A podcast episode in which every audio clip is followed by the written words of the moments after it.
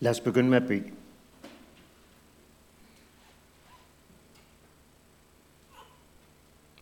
Herre Jesus, vi takker dig for dit ord.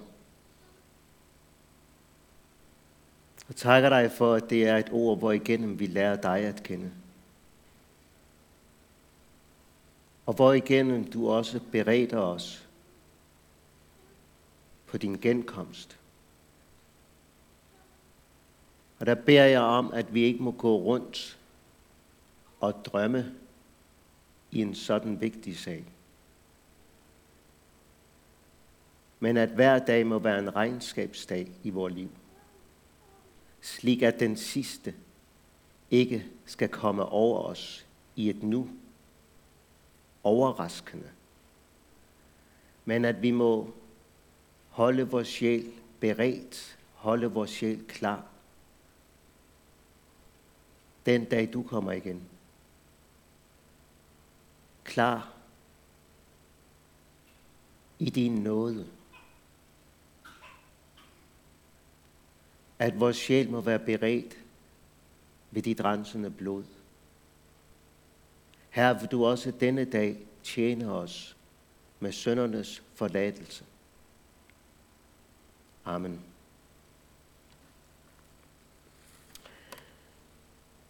Der er øh, to ting, der har undret mig i den her coronapandemi. Jeg kan se mange, mange ting, kunne man pege på af restriktioner, der kan undre og sådan. Men øh, alligevel vil jeg sige, der er særligt to ting, der har undret mig. Og øh, det er, at vi i vores sammenhænge der synes jeg, at, øh, at vi ikke har reflekteret over den tid, som vi er i. Øh, det jeg tænker på, det er, at vi, øh, altså tidligere, sådan oplever jeg det i min ungdom, der talte vi mere om fødselsværende forud for Herrens genkomst. Hvad skal vi tænke om sådan en verdensomspændende pandemi? Er det ikke fødselsvær? Er det ikke tegn på, at sejlene brydes i himlen? Slik jeg husker det, så var det mere fremme i vores bevidsthed, da jeg var ung. Og kanskje jeg her beskriver noget, som gør sig gældende i Danmark og er anderledes hos dere, men jeg synes alligevel, det har været tankevækkende for mig. Nu ved jeg godt, at man kan ikke sige, at når vi oplever det, vi nu oplever, så skyldes det det ene og det andet. Alligevel, så synes jeg, at øh, tanken på, Jesus kommer snart igen. Den tanke, synes jeg, har været fraværende. I hvert fald i de cirkler, sådan jeg færdes i Danmark. Jeg synes ikke, at det har fyldt meget. Og øhm, når vi læser både i profeterne, men jo også i Nytestamentet, for eksempel i åbenbaringsbogen, der hører vi jo om sejl, der brydes i himlen. Da lammet åbnede det fjerde sejlet, hørte jeg røsten af det fjerde livsvæsen, som sagde, kom. Der så jeg se en guldblik hest. Han, som sat på den, hans navn var døden, og dødsriget fulgte med ham. Og det blev givet ham, givet dem magt over fjerdedelen af jorden, til at dræbe med svær og med hungersnød og med pest og med vilddyrene på jorden. Hvad er det, vi står midt op i? Er det ikke, at der er sejl, der bliver åbnet i himlen? Vi ser jo i åbenbaringsbogen, at når disse sejl bliver åbnet, og tanken er jo, at sejlene skal åbnes, før at arven kan komme til ytbetaling. Der ser vi jo, at når de åbnes i himlen, så sker der ting på jorden. Gud er historiens Gud også i dag, og han bryder sejl. Og når han gør det, så sker der ting på jorden. Slik taler jo også profeterne, og der har jeg tænkt på et sted i Amos bog. Der synes jeg, det bliver meget tydeligt dette. Med at Herren han tugter os. Jeg har slået dermed kornsort og rust. Græshopperne åd op deres mange haver og vingård og fikentræer og oljetræer. Men der har ikke omvendt der til mig, siger Herren. Og det går igen. Jeg har sendt pest blandt der som i Ægypt. Jeg har dræbt deres unge mænd med svært og lavet deres heste blive herfang. Jeg lod stanken fra deres her stige op i næsen på der. Men der har ikke omvendt der til mig, siger Herren. Jeg har omstyrtet byer i blandt der, slik som Gud ødelagde Sodoma og Gomorra, og der er blevet som en brand revet ud af ilden. Men der har ikke omvendt der til mig, siger Herren. Læg mærke til det. Jeg har gjort. Jeg har gjort. Jeg har gjort. Og tre gange, men der har ikke omvendt der til mig. Derfor vil jeg gøre dette med dig, Israel. Og fordi jeg vil gøre slik med dig, Israel, gør dig rede til at møde din Gud. Jeg synes, det er så stærkt, dette udsagn. Ind i disse katastrofer, som kommer fra himlens og jordens herre. Disse små domme i tiden er med til at vække os op, hvis vi da hører hans røst. Væk os op, for at vi må omvende os til ham og gør dig rede til at møde din Gud. Det er jo det, en slik tid også må være med til. At tage fat i kravtøjet på os og sige, Herren han kommer snart. Og videre i Amos bog siger Herren til Israels hus, søg mig, så skal der leve. Søg ikke til Betel, og kom ikke til Gilgal, og drej ikke over til Beersheba, for Gilgal skal blive ført i fangenskab, og Betel blive til intet. Og igen, søg Herren, så skal der leve. Ellers skal han komme over Josef hus som en ild, og den skal fortære, og Betel skal ikke have nogen til at slukke. Søg mig, så skal der leve. Som sagt, jeg synes denne tonen, også i denne pandemi, vi står midt op i, har været fraværende, i hvert fald i de, som sagt, cirkler i Danmark, jeg færdes. Og se at det er fordi, der er en berøringsangst for ikke at gå for vidt, og vil prøve at lægge en detaljeret plan for, at når det sker, så, det, så svarer det til det, og når det sker, så svarer det til det, og man bliver vældig øh, ja, detaljeorienteret i det. Men frygten for at ende i det, har kanskje ført os til, at nu reflekterer vi slet ikke. Som sagt, jeg ved ikke, om det er slik hos der, men øh, når vi læser profeterne, så taler de også ind i en sådan tid. Og øh, noget af det, der fik mig til også at tænke i de retninger, foruden jo profeterne. Det var en prædiken, jeg læste af en øh, mand, der hedder Martin Lloyd Jones. Martin Lloyd Jones, han var præst i England, i Westminster Chapel i London. Og øh, det var han der i 1900-tallet, midten af 1900-tallet. Og øh, han holdt på et tidspunkt en prædiken i 1963. Der taler han om, hvad har de to verdenskrige og alt det kaos og forvirring, det førte med sig. Hvad har det at sige i vores forhold til Gud?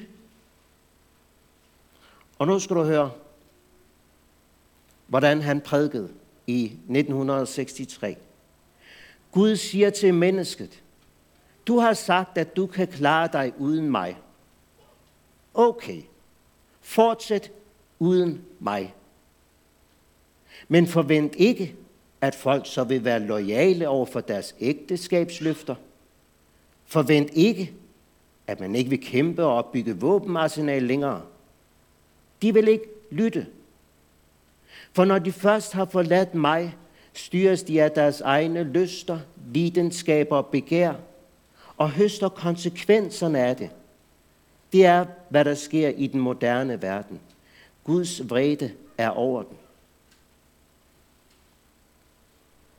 Gud smiler ikke over verden i dag, eller velsigner den. Verden hader ham og spotter ham, og Gud trækker sin velsignelse tilbage. Du ser en verden, som ikke er velsignet af Gud. Den er under Guds bredde. Ja. Det er ikke tit, man hører slike prædikener i dag. Der våger at reflektere over, hvad er det, vi står midt op i.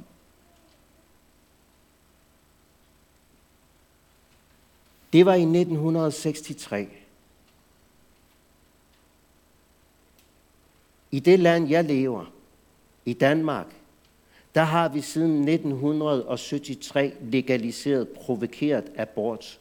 Og jeg tænker, det cirka er samme tid også her i Norge.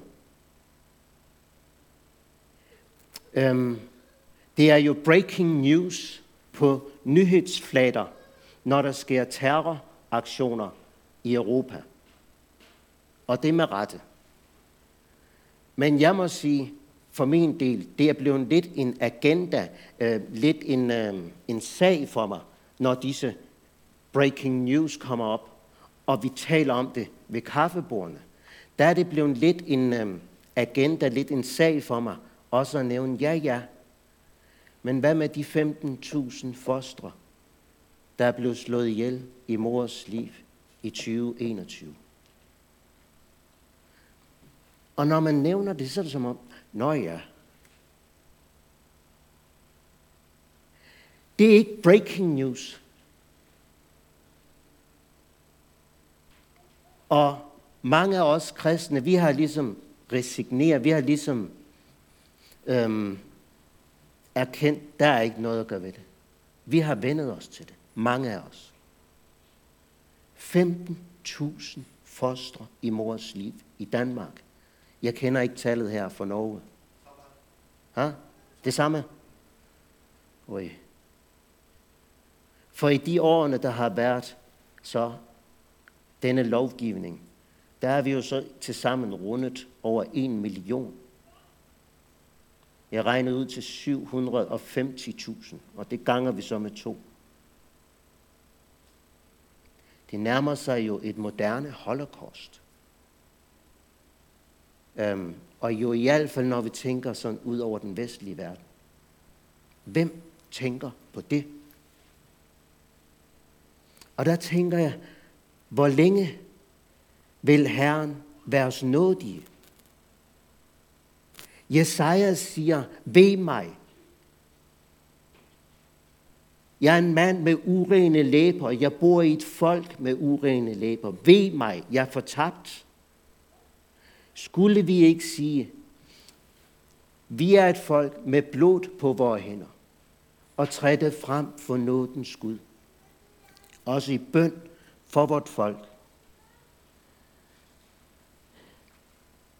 Og så lever vi også i et land, og i lande, hvor homofil samliv jo accepteres og forsvares. Og netop der, hvor det bliver accepteret og forsvaret, der er det teknet indikatoren på, hvor det samfund eller institution står i forholdet til Gud. Der er vi under Guds vrede, Guds dom. Det vidner skriften om. Og det er derfor, jeg tænker, og også må sige med Lloyd Jones, jeg tror, Gud trækker sin velsignelse tilbage. Du ser en verden, som har forladt Gud. Og nu er Gud også ved at tage sin velsignelse fra os. Det er jo slik profeterne taler. Ind i sådanne tider. Og som sagt, det har undret mig, at den bevidsthed står så svagt hos os. Det var den ene ting. Den anden ting, der har undret mig, det er, når vi oplever nye restriktioner i denne pandemi, så er noget af det, som øh, er Guds folks trøst, eller alle menneskers trøst, men også Guds folks trøst. Det er, hvor bliver det godt, når hverdagen vender tilbage. Og det må jeg jo sige ja til. For det er lidt anstrengende at stå og prædike til jer og øh, se på jer med masker på. Det må jeg sige. Det bliver godt, når hverdagen vender tilbage. Og vi må også bede om det, at Gud han må også føre og lede, lede i det. Men når vi læser profeterne, når vi læser åbenbaringsbogen, så fornemmer vi jo, at når sejlene åbnes i himlen, så er der en, en helt anden begivenhed på vej. En langt, langt, langt større begivenhed på vej, end at hverdagen vender tilbage. Kære venner, det er, at Herren vender tilbage. Nå ja, ja, det er jo også rigtigt. Men det, det er som om, den tanke, skulle den ikke komme mere frem i sådan en tid? Så sidder man ved kaffebordet og snakker om, hvor bliver det godt, når hverdagen vender tilbage. Ja, det glæder vi os til. Men jeg savner denne bevidstheden hos Guds folk i en sådan tid. Herren kommer snart. Vi ser frem til, at Herren vender tilbage. Det er jo slik, profeterne taler til os. Og det er jo unægteligt en langt, langt herligere begivenhed, end at hverdagen vender tilbage. Og øh, nu skal vi vende os også til Jesajas, for det er jo denne begivenhed, Jesajas bog også leder os frem imod, at Herren vender tilbage. Slik jeg mindet jeg om det første dag med, hvor ender bogen? Jo, den ender jo der, hvor at vi hører om den nye himmel og den nye jord.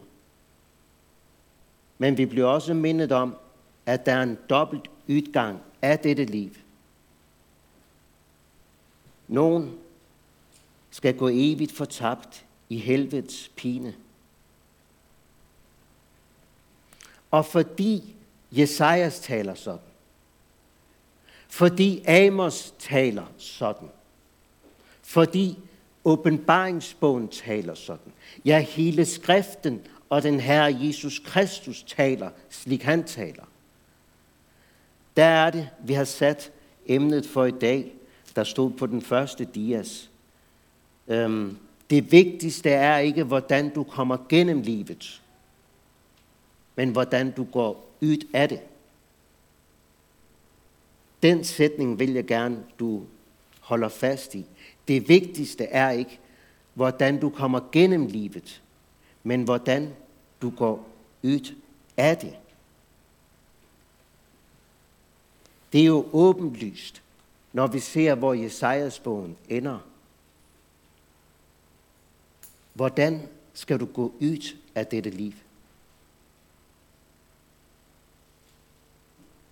Hvor er din vej?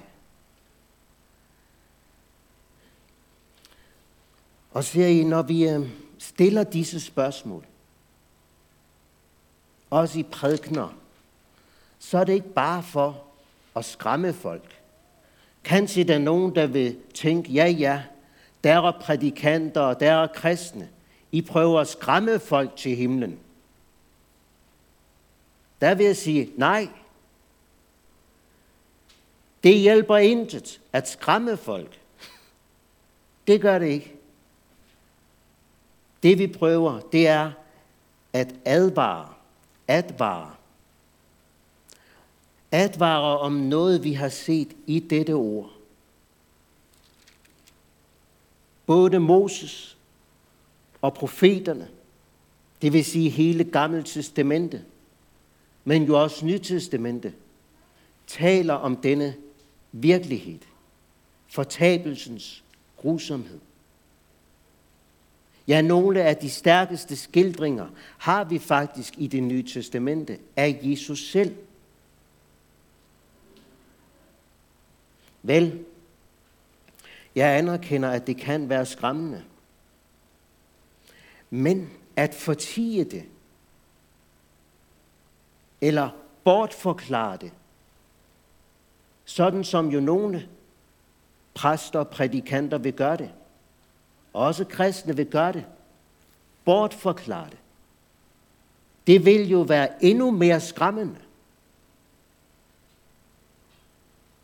Også ukærligt. Ja, det vil være ukærligt. Ikke at tage disse også sandheder frem. For der vil du først opdage det den dag, hvor det er for sent.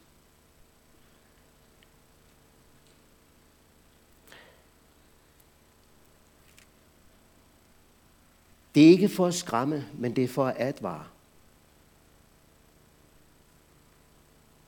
Forestil dig, øhm, at det, der er, som sidder med på streaming, forestil dig, at det hus, du sidder i, eller kanskje lejlighed, taget på det hus, eller taget på denne mødesal, forestil dig, at det stod i brand.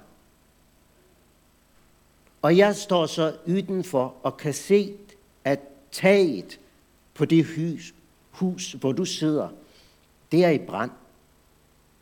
Eller hvis det er taget på denne mødesal, det er i brand. Og jeg står udenfor og ser på det.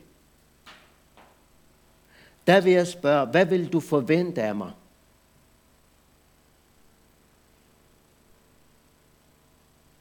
Vil du forvente, at jeg bare skal tige stille? Eller skal jeg bortforklare det og tænke, det er nok noget, jeg bare bilder mig ind? Hvad vil du forvente i en slik situation? Det vil jo være skræmmende og også ukærligt bare at tige stille og lade det som ingenting. Nej, når vi trækker disse sandheder frem, så er det ikke for at skræmme, men det er for at advare. Og sige til dig, bered dig på at møde din Gud. Når Jesus taler om disse ting, så taler han også om det jo i kærlighed. Han gør det af kærlighed. Han står ikke ved et brændende hus. Han ser en hel verden, som er i syndens magt. Han ser en verden, som ikke længere spørger efter ham, hvad den jo aldrig har gjort. Og selv de, der kanskje har hørt lidt om ham, selv hos dem kan der være en ulyst til at søge ham. Der står jo, ingen søger Gud. Det er den verden, Jesus ser. Han ser den nød. Og der er det, vi har hørt i Jesajas at den nød drev ham til at komme til jord. Gud sendte sin søn.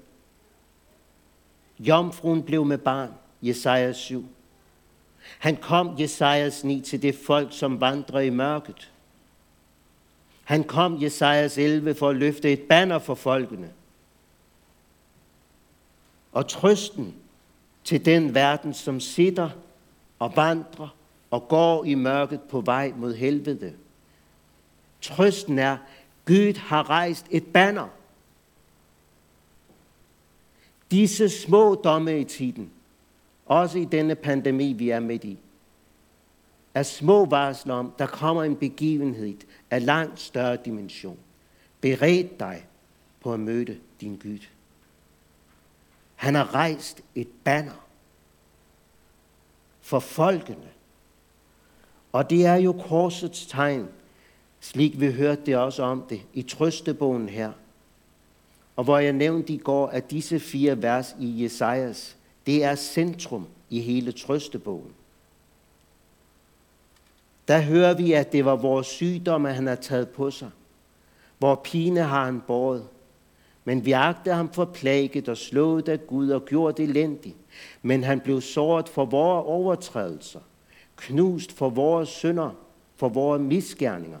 Straffen lå på ham, for at vi skulle have fred, og ved hans sår har vi fået lægedom. Vi får alle vildt som får.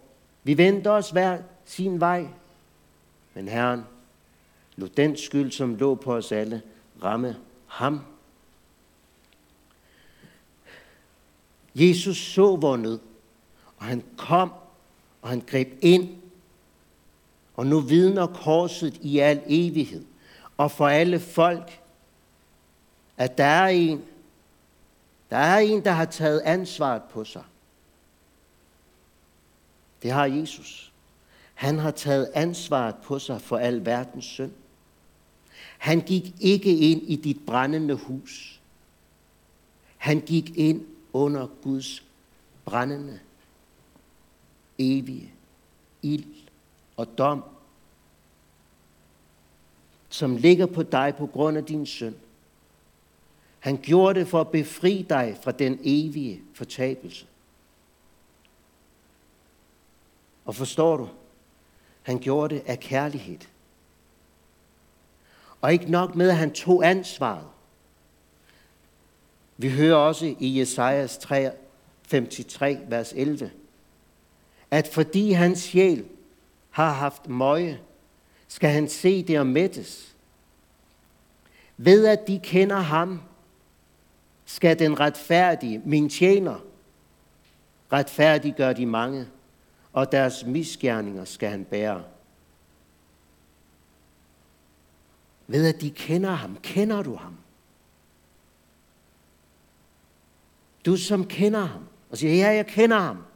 Og fordi jeg er, som jeg er, har jeg brug for Jesus. De, der kender ham, skal den retfærdige min tjener. Han skal retfærdiggøre de mange. Han har taget ansvaret. Og han retfærdiggør de mange. Øhm, når Gud retfærdiggør et menneske ved tro på Jesus, denne sandhed, den vil jeg gerne, at du får fat i. Når Gud erklærer et menneske retfærdigt, så er det en domsafsigelse, der sker i himlen. Med henblik på dig og dit forhold til ham. Men det er en domsafsigelse, der sker i himlen, når Gud erklærer dig retfærdig. Det, som sker, det er, at ansvaret for det, du er og har gjort til denne dag og resten af dette år også. Ansvaret for det. Det har han taget og lagt på Jesus. Det er den ene side. Den anden side, det er, at Gud så tilregner dig alt det, som Jesus er og har gjort. Det bliver nu tilregnet dig. Læs om Jesus i denne bogen. Læs om hans renhed, hans retfærdighed, hans hellighed. Og Gud siger, det er dit, du som kender ham. Det er jo et mægtigt evangelium. Det er dette banner, der er rejst for folkene. Åh, fly nu ind under dette banner, før den endelige regnskabsdagen kommer. Det er vores frimodighed. Det er vores glæde. Det er vores sejr. Jeg kender Jesus. Og øh, dette må du også tage med dig i det nye året. At i troen på Jesus, der har jeg alt. Han er alt for mig. Øhm, jeg har lyst til at citere lidt fra den her bog, Livets Brød af Øjvind Andersen. Øhm, det er jo en klassiker. Og en af mine gamle venner, han, øh, han har er det fire eller fem bøger, han læser jævnligt. Og en af dem, det er den her af Øjvind Andersen, Livets Brød. Den skal han læse. Og jeg tror, han siger en gang om året.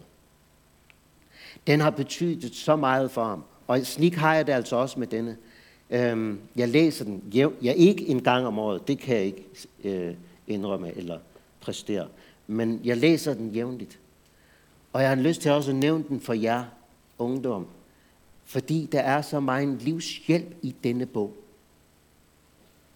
Nu står vi i begyndelsen af et nyt år, og kan se nogen af der tænker, i 2022, der skal det være anderledes med min åndelighed. Der er jeg blevet så glad for et citat i denne bog. Kun et tegn, der er kun et tegn på sand åndelighed, nemlig at et menneske ser sandt på sig selv og tror sine sønders forladelse på Jesu regning og ansvar. Det er til gengæld et sikkert tegn. Et tegn på sand åndelighed. Ja, I må undskylde, at jeg ikke har det med på grundteksten. Øh, men at det blev på dansk. Men det går nok. Men altså, I forstår sagen. Der er et tegn på sand åndelighed. Og i samme afsnit, kun én ting beviser, at et menneske er af Gud. Én ting. Hvordan kan du vide, at du er af Gud og er født på ny? At du kender Gud. Et tegn. Når de i sig selv er en fortabt og hjælpeløs sønder, der er blevet afhængig af søndernes forladelse i Jesu blod. Lad nu disse tider, vi er i, og verdensomspændende kriser, hvad der end måtte komme i 2022, lad det blive varsler, der minder dig om, Herren kommer snart. Jeg bliver ved dette banner,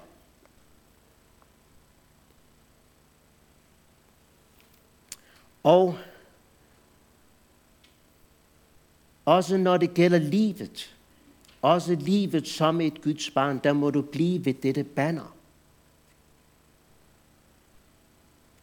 Der er nogen, de tænker og også siger, åh, kommer jeg aldrig længere? Og øh, der er jeg egentlig blevet glad for et perspektiv, også i forhold til livet. Øhm, et perspektiv, som Martin Luther han peger på. Han holder et sted af det, tror jeg, 10 øh, prædikener over Jesu lidelse. Men inden han går i gang med de 10 prædikener, så har han en indledningsprædiken, hvor han prædiker om, hvad er øh, nytten og frugten af Kristi lidelse. Nytten og frugten af Kristi pine og død. Og jeg kan huske første gang, jeg læste den, der undrede jeg mig.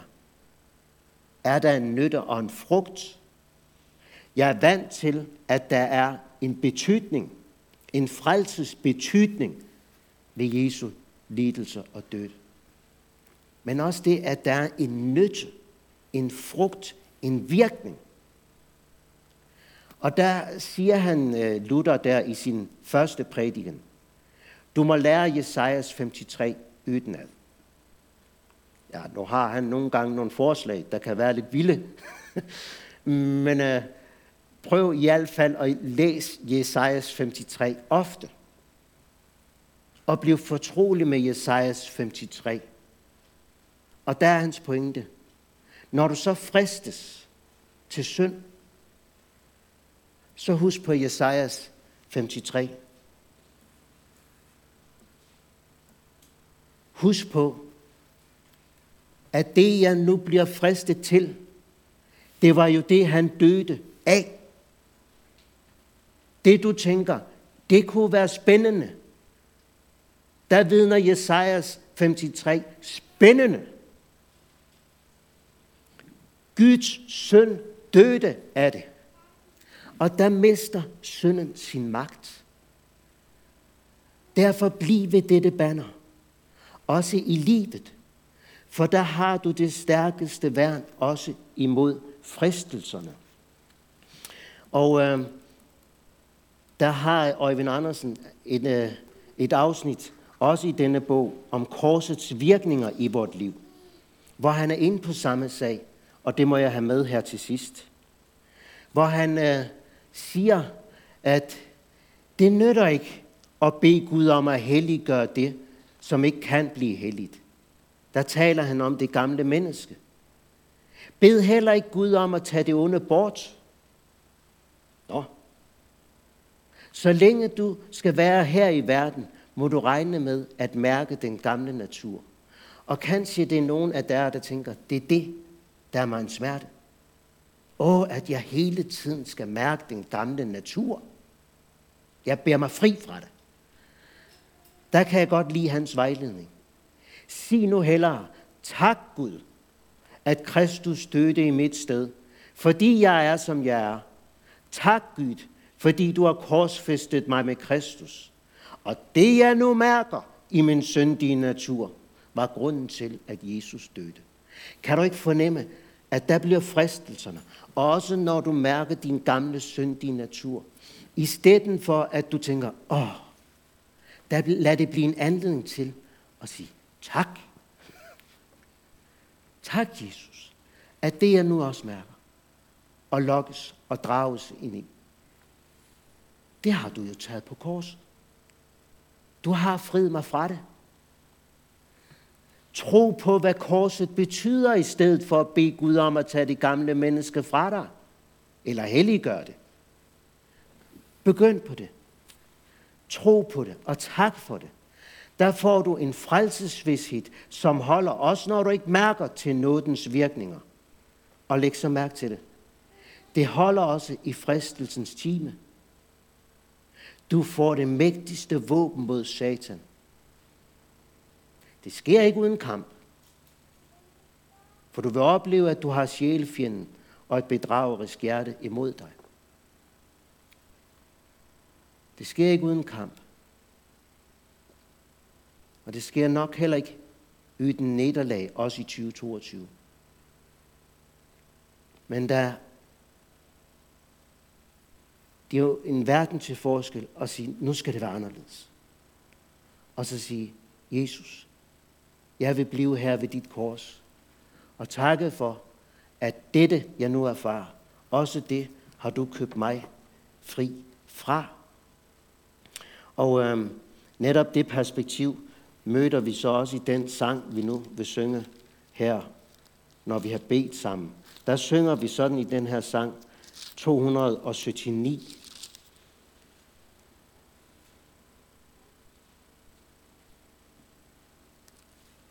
vers 4, 279. Og bliver så synden mægtig i mig end, der flyver jeg straks til nådestolen hen. For har jeg daglig synd, ja lønlig bryst, der, skjul, der gælder blodet end, det er min trøst. Og så kan jeg også godt lide vers 5. Og går det småt, ja, stundom rent på tværs. Jeg kan godt lide det der. Det går rent på tværs. Det går småt med mit kristenliv. Så nynner jeg bare på mit kære vers om lammet, som har renset med sit blod. Ja, med den sang, jeg møder selv dødens flod. Der er man fri. Og der kan man gå sin sidste dag i møde eller denne verdens historisk sidste dag i møde med frimodighed. For jeg kender det lam, Guds lam, som renser mig med sit blod. Og bliv nu her og vandre i denne virkelighed, også i denne verden, hvor vi nu er sat. Lad os bede.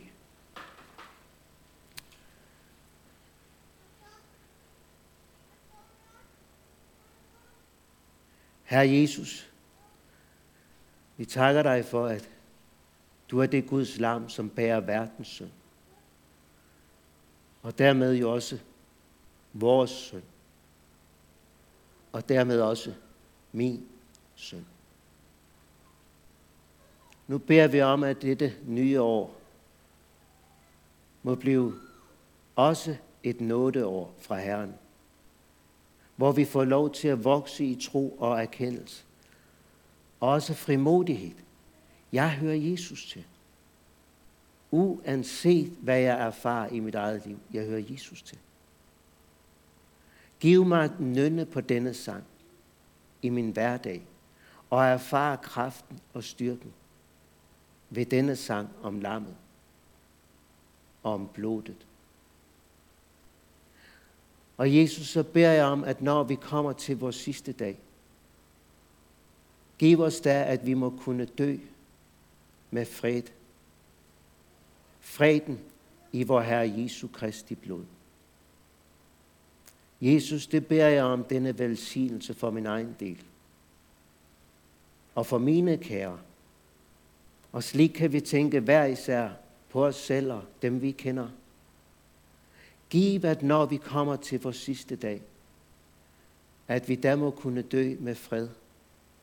Freden i vor Herre Jesu Kristi blod. O Jesus, kom snart. Og indtil den dag bevarer du os hos dig. Og her så må vi også den dag bede dig for vort land og vort folk. Vi bekender for dig, at vi bor i et land og et folk, som har blod på hænderne. Vi beder om, at du må forbarme dig over os. Og Jesus, vi længes også efter, at hverdagen må vende tilbage. Men jeg har også lyst til at sige, lad nu ikke denne tugtelse blive taget fra os, før den har virket det, du vil.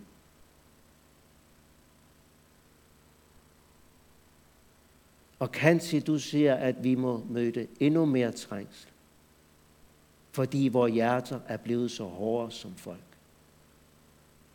Her må vi da være de første også til at tage det af din hånd.